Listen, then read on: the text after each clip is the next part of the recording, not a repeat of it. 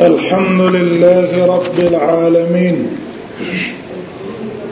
والصلاة والسلام على سيد الأنبياء والمرسلين وعلى آله وأصحابه أجمعين حکم د نکاح من بیانو دویم حالت چې یو سړی قادر دی په واده لیکن په خپل ځان باندې قدرت شته دی چې زه په بدکارۍ او په زنا کې نه واقع کېږم دې سړي د پاره د نکاح څخه حکم وو اول مذهب هم بیان کو د اهل ظواهرو دویم مذهب هم بیان کو د شوافعو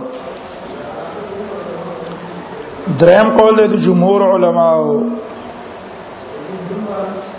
جمهور علما او رایا په دې صورت کې دا ده چې په دې حالت کې نکاح کول دا مستحب دي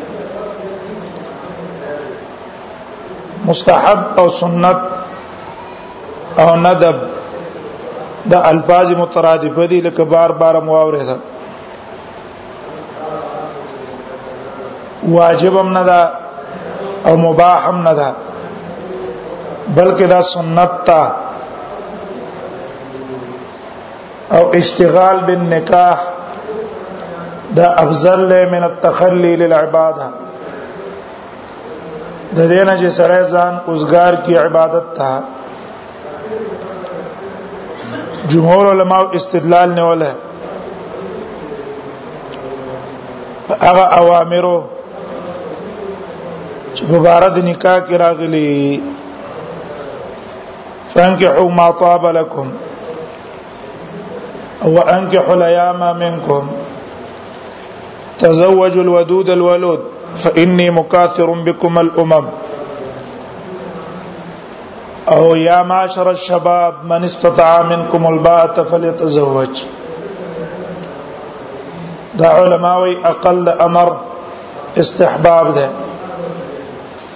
اقل درجه د امر ندب او استحباب ده دلته دا اوامر راغلي او دا اوامر د وجوب د پاره نه دي لکه اهل ظواهرو دا قول کړه قرینه صارفه د وجوب نه استحباب ته لفظ د سنت ته فمن رغبان سنته او اربع من سنن المرسلین سلور کارونه دی پروايت د ترمذی کې دي چې دا من سنن المرسلین ده او په روایت د بخاری کې دی فمن رغبان سنتي زما د سنت نه چا مخواړه دویم قرینه پرون موږ بیان کړه چې هغه دا د چډیر صحابه ودونه نو کړي او رسول الله صلی الله علیه وسلم هغه ته امر نه دا کړی چې خامخه وکړي دا دلیل په عدم وجوبه دویم دلیل د استحباب هغه دا دا چې ان نکاح منهج الانبیاء دا نکاح کول طریقه د تمام انبیاو دلیل په آیات ته الله تعالی وی ولقد ارسلنا من قبلك رسلا ولقد ارسلنا رسلا من قبلك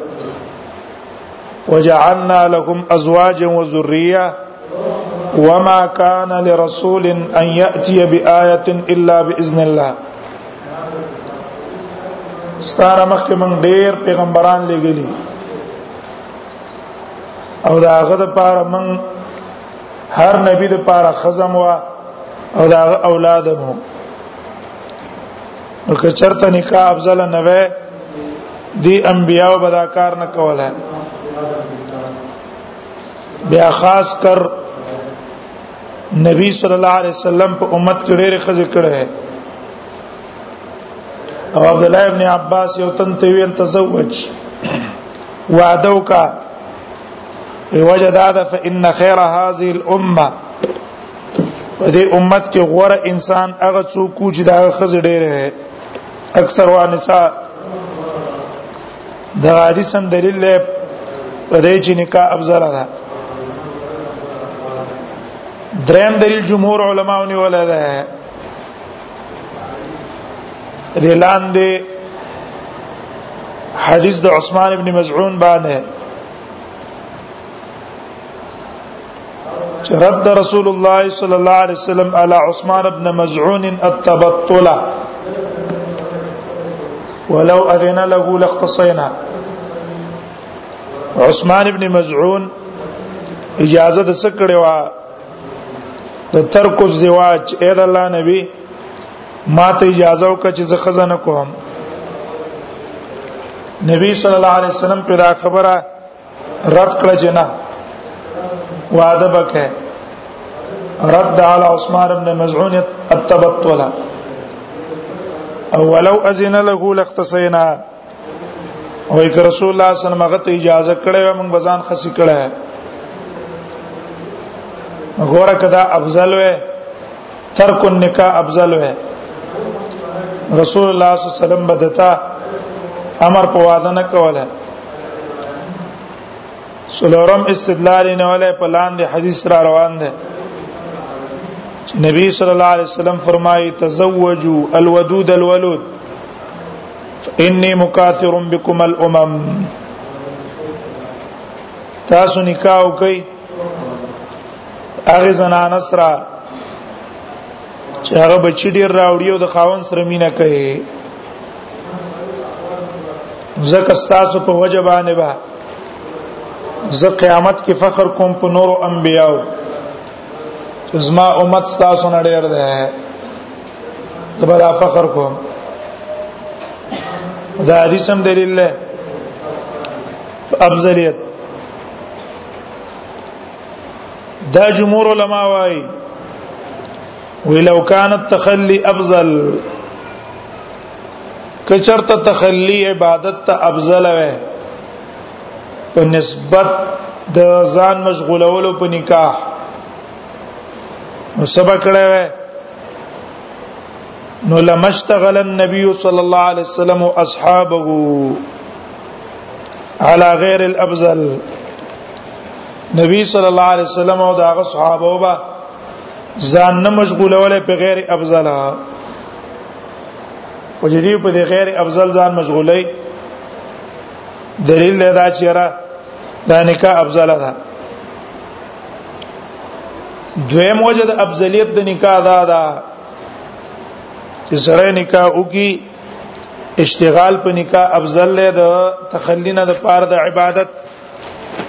غیر پاره دویم دلیل هغه دا ده ګوره دا نکاح چې کومه دا نکاح دا مشتمل ده علی تحسین الدین یو پیدا پکې دا ده چې دې نکاح په وجه باندې د انسان د دین حفاظت راځي دغه پرون مثال کې موږ پیش کو اذا تزوج العبد فقد استكمل نصف الدين فليتق الله في النصف الباقي په دې باندې د انسان دین حفاظت پر راځي او دا حدیث هم په دلیل دی اغض للبصر د دې د وجنه نظر کته کی واحسن الفرج او د عورت حفاظت راځي چې تحسین د دین ذریعہ ده دیو جنا دا افضل شو دیو پیدا پکې تحسین المرأه وحفظها د دې نکاح په وجه باندې د خزې د دیني پازه تم ده زړه د خې سره نکاح وکي دا غې د وجنه دا غې پازه تم راغې دغه دا غې چې کم طبيعي شهوت ته هغه به د خاون سره پوره کیږي خپل به د دین حفاظت وکړي به زه نظر باندې ساتي به زه خیالات او تصور او سوچونه به ناراض غلط تعلقات به ناراولي بل پیدا په کې حفاظت د خزه ده والقيام بحقوقها او د خزه حقوق په ادا کیږي اوس کې وسړی خزه سواده نه کوي نو دا خزي و به خدمت په ولا څوک کوي خوراک او رزق ولا څوک پیدا کوي رزق ولا څوک پیدا کوي خوراک ولا څوک پیدا کوي نو دیو جن اشتغال په څه کول بهتر دی په نکاح استاد نکاح د وجه نه با غضب خراس کاک نفقه هغه نه محفوظ شي بل فائدہ پکې ایجاد النسل تکثیر الامه دا ذریعہ د پاره د ایجاد د نسل او ذریعہ د پاره د تکثیر د نسل د نسل د انسان ډیریږي زړه ودونه نه کوي بس په لبه نسل ختم شي کنه زما مور خپل ودونه نه وکړای مونږ تاسو به نه به زمون تاسو ودونه نو کوز منګ اولاد بنئ چې سبا سلسله ختم شي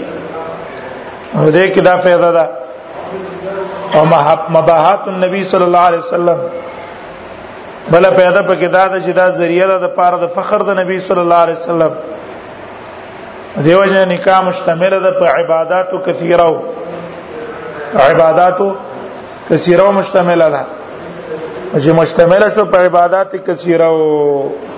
نکاح کول سنت شو او افضل شو من التخلي للعباده د دین چې سړی عبادت ته ځان اوسګار کی د دین دا افضل شو د شوا د جمهور جواب خو کړی شو د ال زوایر جواب موږ زمنن وکړو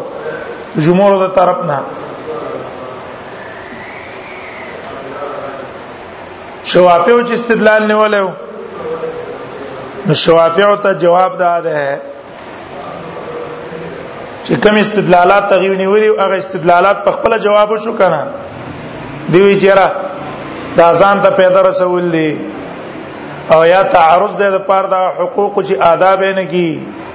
مونږ دا ټول کارونه اصل کې متضمن دي عبادت لرا ځکه مستحب دي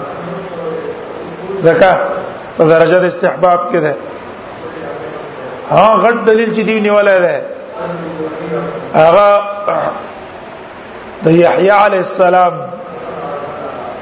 په شریعت استدلال نیولای وګوره ک واده بهتر وې الله به د یحیی علی السلام صفت نه کوله په سیدن و حصورا باندې دا غي جواب دا ده جمهور طرفنا چې شرع د من قبل ناز من د پاره دلیل له او حجت ته خو الا چې کله غزمن د شرع نه خلاف نه وي شرع د من قبل ناز من د پاره حجت ته او کنه د اختلافي مسله ده راجح دا چې د ازمن لپاره دلیل دی او په هغه صورت کې چې د اغاز موږ د شرع نه خلاف نه او که موږ د شرع نه د هغه شرع خلاف وه به ازمن لپاره حجت او دلیل نه ده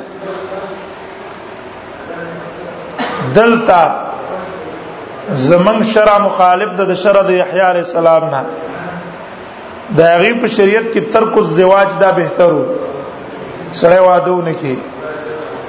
او زمنګ په شریعت کې واده بهتر ده دیو جن زمنګ شرع د هغه د شرع نه مخالفه ده هغه نه مخالفه ده او په هغه باندې استدلال نیول د پاره د افضلیت د ترک النکاح دا صحیح نه ده دریم صورت هغه دا ده چې یو سړی ده داغه وسشته د واده وسه د واده شته لیکن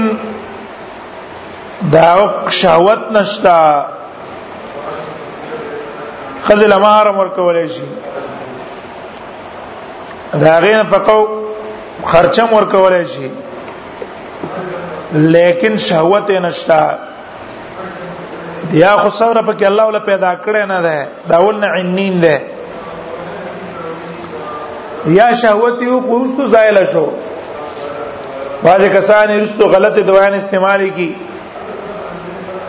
غلط دا غي د وجه سبب د شهوت انسان زایل شي برباد شي رستو شهوت زایل شي یا د مرض د وجنا یا د بډاتوب د وجنا یا د نور اسباب د وجنا هغه زایل شي نو آیا د سړي د پاره نکاح څنګه ده نکاح نو په یو صورت کې هغه دا چې خزله خبر ورنه کی خزله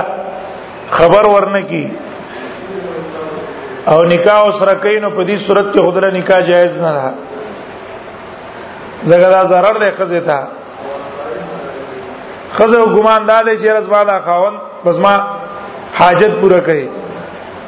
لیکن دا د حاجت پوره کولو دی نه په دې صورت کې د پاره دا نکاح ناروا ده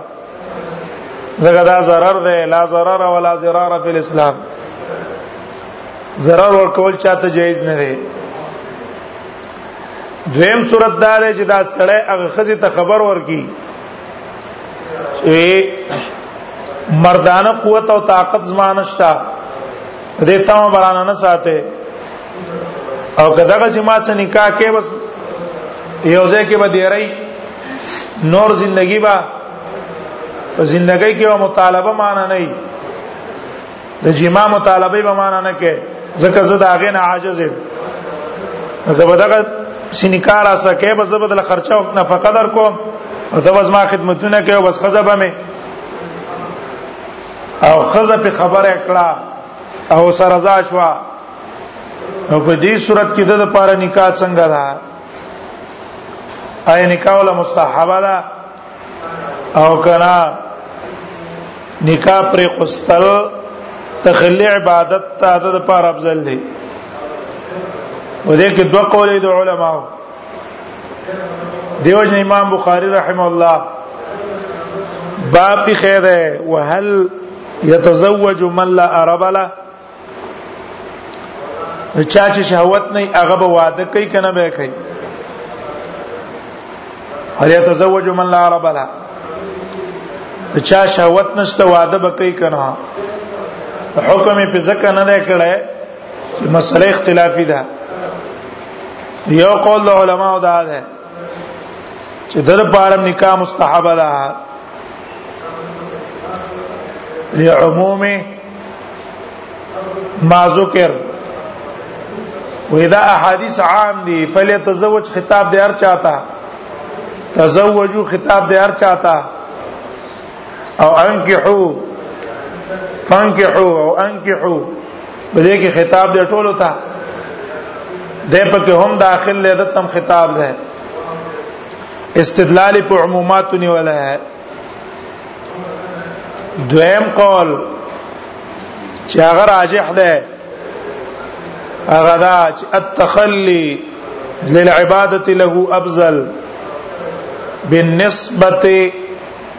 بنسبت الاشتغال علی النکاح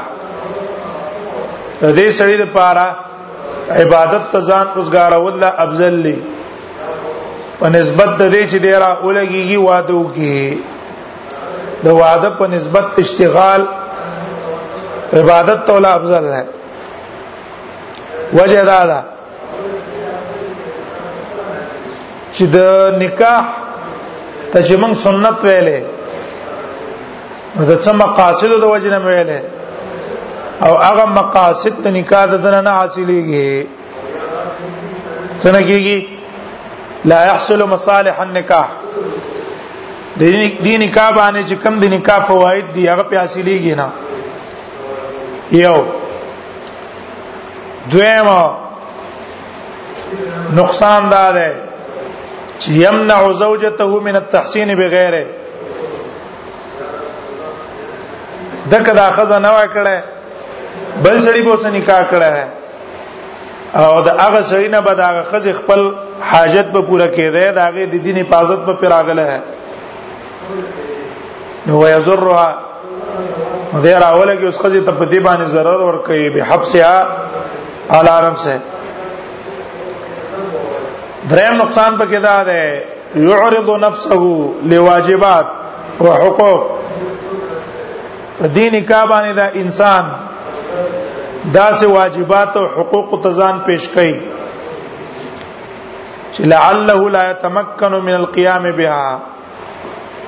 کېدې شي هغه ادا نه کی دا خزه چې دی وکړه دا خزه کول خو آسان خبر ده ما وکړه ما درکړه دې کوم سی ویروس په کټي سلسله دي نفقه به ورکه خرچه به ورکه زیب به ورکه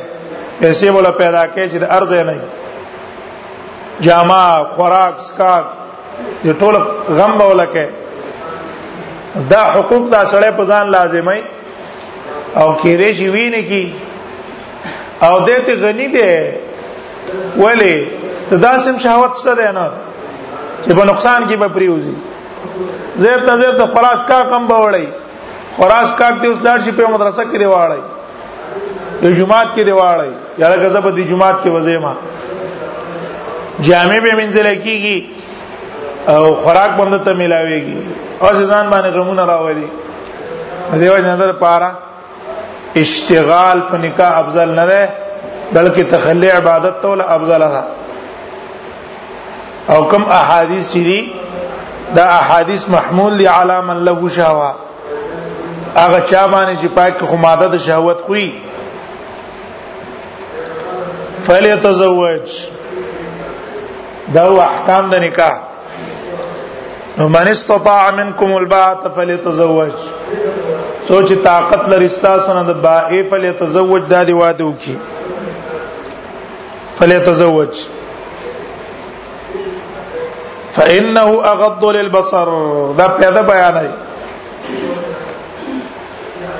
دا کمال دی د قران او د حدیث چې حکم بیانې نو د حکم فیدیم بیانې ورته د حکم کې دا پیدا ده دای فواید دي وجدا دا چې ته د حکم فیدا بیان کې نو دا رغبت ورکې انسان ته امتصال دا حکم کې چې الکه دا حکم منل پکار دي ځکه په دې حکم کې زما دا د فائدې دي دنیوي او دا فائدې دي اخروی فانه اغض یقینا دا نکاح کول اغض للبصر خخک تکون کې د پاره د نظر واحسن او خی پازت کون کې ده ساتون کې ده د حرام علی الفرج د پاره د فرج د انسان غض البصر چې خزه دی وکړه بس پردو خزو ته باندې ګوره استاد نظر حفاظت براش استاد نظر حفاظت براش غض البصر ده دې سب استاد نظر حفاظت راش واحسن الفرج عرب غلط ځای کې استعمال ہے ولې چې خزه دی نه شریخ په لخذ یو پردو خزو باندې څه کوي پردو خزو په ذکر ځي دیو جن شریعت وایي چې یو سړی خزه شتا او بین دا د پردو خو سره تعلق لري دا مړ کوي په کانو باندې ولای ځکه دا مفسد ته مفسد دا شهوت خپل خزینه پوره کېدو او دا بیم را لګي په نور پسې ګرځي دا ختم کوي خزه د خاوند شتا دا خاوند دې شهوت پوره کیږي دا به امر لګي د نور سیارانه ساتي نور سره تعلق ساتي شریعت په امر کوي ځان یو لې وجدار چې دا کینسر دا دا معاشره بربادای او اندام چې کله خراب شي کنه خلک پرې کوي دا مسله لري کې ختمه کوي چې معاشري پاکي پیرا شي ځکه شهوت پوره کیږي رقاوت نه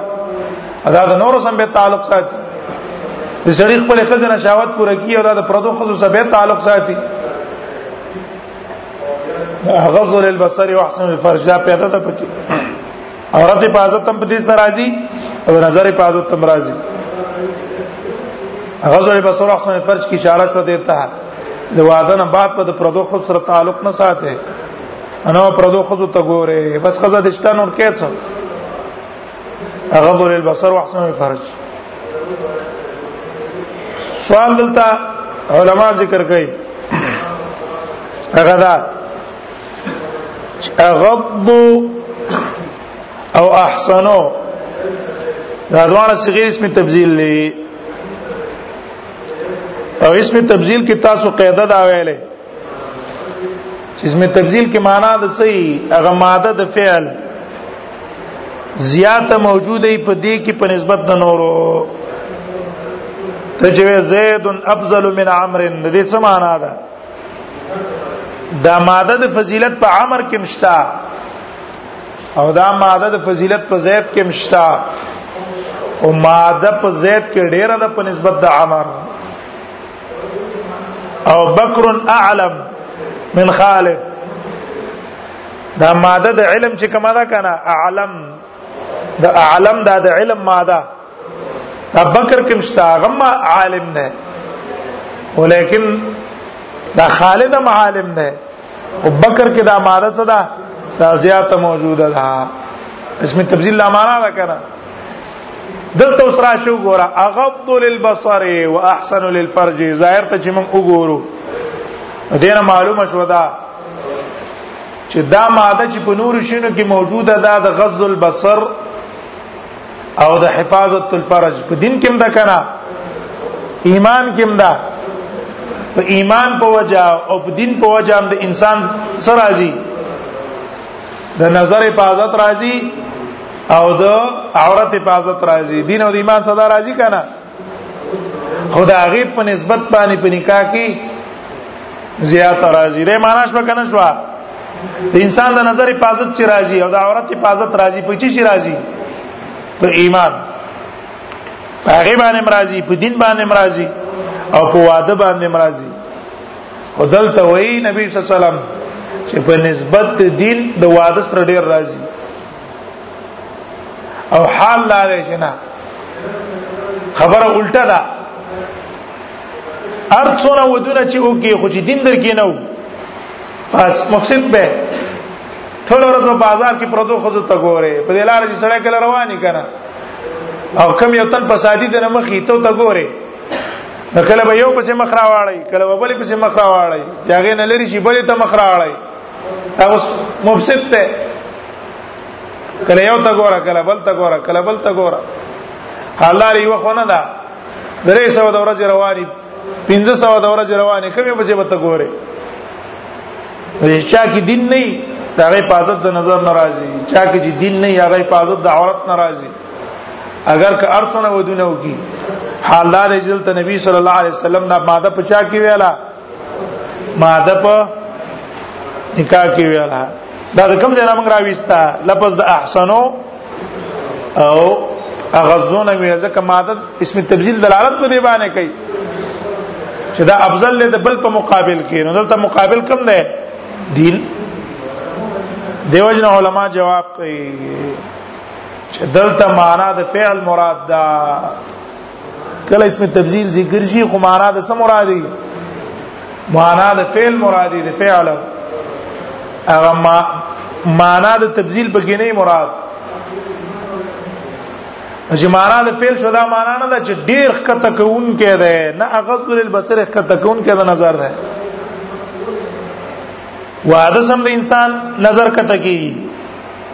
د محارم زنانه ونه او په نکاح سره مخته کیږي او په دین مخته کیږي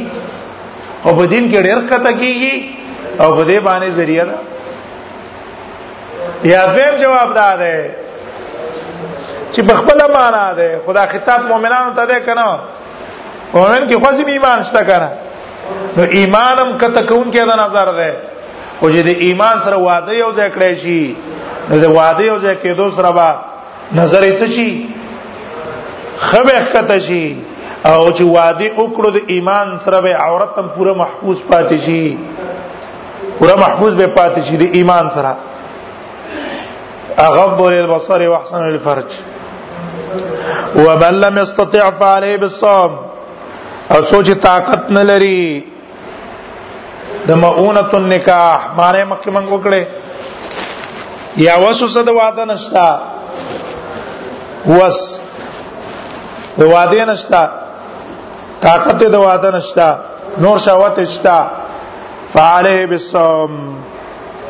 په د باندې لازم دی روزه فعلی بسم علا د لزوم د پاره نه ده یعنی روزه په فرض ده روزه فرض نه ده بلکې دا د پاره د اغرای دته اغرا وي تیزی ورکول فعلی بسم معنی د روزینی ول پکار دی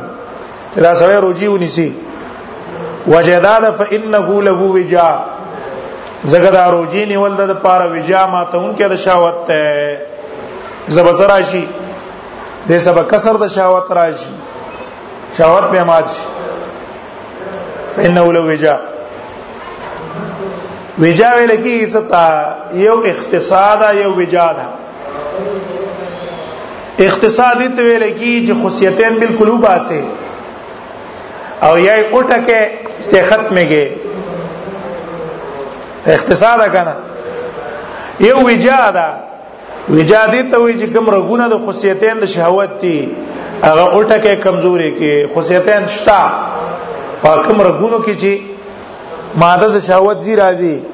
دا هغه څه شي هغه ته اٹکه د کار نه وباسه دې ته ویل کی وجا رز الخصیتین چې توي د حیوان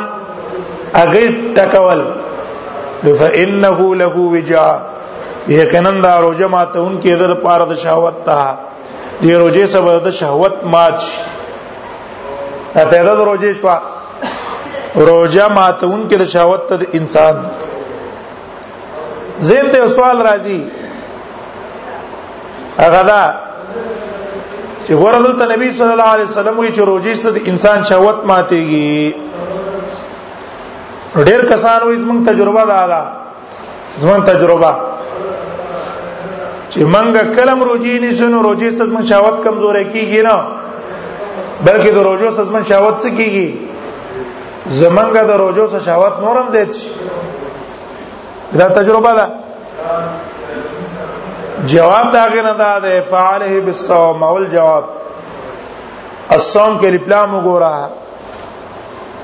مراد تنا الف لام عهدی دی کما دی صوم الصحابه والنبي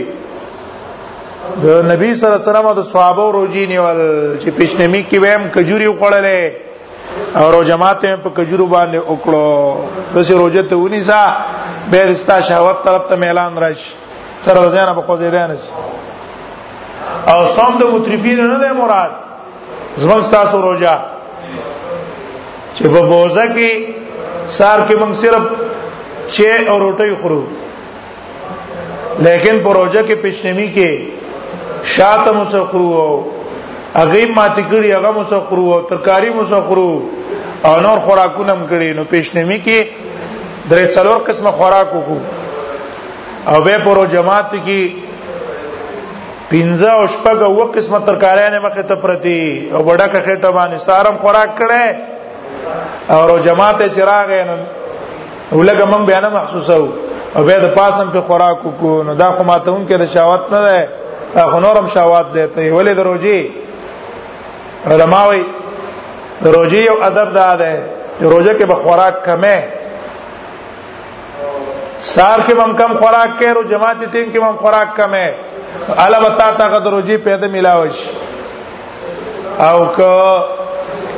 کم نه کې د دې مثال د سیده لکه ډاکټر تا ته یو بنس کې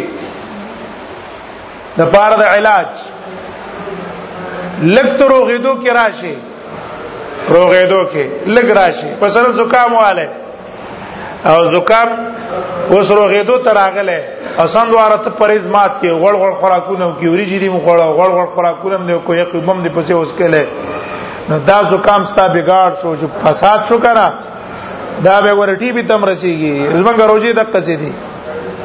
روزي په دې دین اتنی سوچ زمونږ کې څه راشي بدنم کم شي رګونم پاک شي خټم خالی شي ایثارم ډک کړه ما خامم ډک کړه نو په زیاده پیدا باندې کم دي تلاړ نقصان ته دی وجنه روزه 13 شي 13 دوه سره سم دواره پاول ورځ مون فساد شروع کو اول ورځ مون فساد شروع او پاول ورځ جنگونه شروع کو جنگونه په اول ورځ باندې فساد په اول ورځ باندې جګړې په اول ورځ باندې ګيلي او کسی په کور کې په اول ورځ باندې الکه تازه روزه تیر شوی ته خود رکه یو مېش خو شیطان له مقامو ور کاوه کنه نه د اختر پښپا باندې شیطان راځي وجه اصل کې دا لږه تهذیب نه کیږي اصوم کې کومه روزه ده هغه حدی روزه دا چې کوم د صحابه روزه وا یا دویم جواب دا ده دویم جواب چې ګوره په دې روزه کې الله دا کمال خې ده دې روزه کې الله څه خې ده روزه کې الله دا کمال خې چې دې سره د انسان شهوت کمزورې کیږي اوس کوم ځای کې په پیګو کنه پويګو خو الله معنوي اثر پدې کې دی خې لکه دې مثال د سره غټ حوض ده دې غټ حوض کې لوټه اوبه واړه دا حوض په ډیر شو په ډیر نشو ظاهر کې مونږ یې نو ډیر واله ظاهر کې مونږ نه نو یو لوټه اوبه تیر واخله دې حوض نه کم شو کنه او ظاهر کې مونږ یې نو نه نو دا قصیدې روزه کې الله سره چواله چې دا باعث کوي سره په تقوا او سره تجربه مو کې روزه کې سړی کې تقوا ډېرې په نسبت د نور اوقاتو تر دې چې د دې روزي اثر لږ وخت پورې مسړي باندې لږ وخت پورې لکه چا په کې ډېر تقوا او ډېر وخت پورې اثر ده او که چا په کې روزه کې اهتمام ډېر او نه کوم لږ وخت پورې روزه کې الله سره چولې ده فانه له وجا دا ماته هم کې د شهوت ته لپاره فانه له وجا د دین علماء یو مسلې راستلې دا خطابی صاحب معالم السنن والا خطابی صاحب د حدیث ته استدلال نه ولا ده على جواز المعالجه لقطع شهوه النکاح یو شری باندې شهوت ډیر غالب ده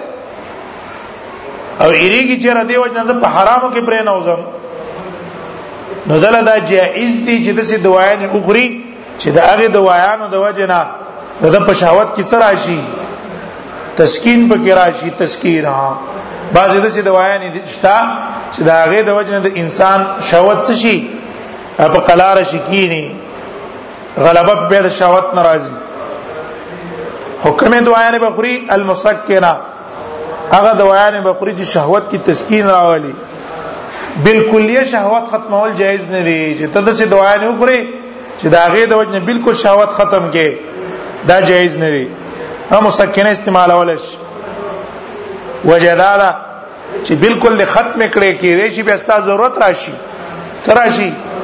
ستاسو ضرورت راشي او تا به بالکل شهوت ځان ختم کړي نو په نقصان کې به پریوځي کنه خیر مسکن استعمال وا او دغه باندې استعمال ہے دیم دی حدیث باندې فعليه بالصوم فانه له وجاء مالکیان استدلال نیولې دی علی تحریم الاستثناء بالکف استمناء بالکف حرام ده ولی وی کچرته دا جایز وې نو رسول الله صلی الله علیه وسلم امت ته اسانه طریقه خو دله چې فإنه غض ومن لم يستطع فعليه بكذا ولی پاغه باندې شهوت ظاهر شي کنه دې وجه هغه حرام ده رسول الله صلی الله علیه وسلم رجوع خو دله چې رجوع نشه دا امر شاقه په امر چې نبی سامو کو په امر شاقه سره د وجود د امر اخفنا دا دلیل په حرمت دا غیبانه په طریقه پوي شي استدلال ورته طریقې د ازاله د شاوت یو دا استمناء وې دویمه طریقه د روجا روجا ګرانه ده دا بل اسانه ده رسول الله صلی الله علیه وسلم امر شاقه چوکو دلو دا دلیل په دې چې هغه عمل که جایز وي نبی سم امت ته بیان کړی وي خو هغه جایز نه ځکه د امر شاقه خو د روزه باندې او جګران عمل له دویم وېدا استمنا متضمن دا اضرار لرا د ګډیر ضروري دي بدني ضرورت هم پکښتا بدني طبي دا ډیر امراض دي متضمن دي د پاره د امراض کثیره نو دیو جن وای هغه جایز نه دی ځکه لا ضرر ولا ضرر په اسلام ضرر په اسلام کې ځان له ضرر ورکول یا ارتکاب دا غ امر چې پای کې ضرري هغه په اسلام کې جایز نه دی دیم قول احناف ده احناف علما وای عند الضروره د تسکین شهوه وی جایز ده په وخت د ضرورت کې لیکن اولنې قول راجح ده ځکه دا مبزی ده د پاره د ازرار کثیره او قران کې دی په من ابتغا ورا ذالک اولئک هم العادون تعالی په شامل لدی ته هم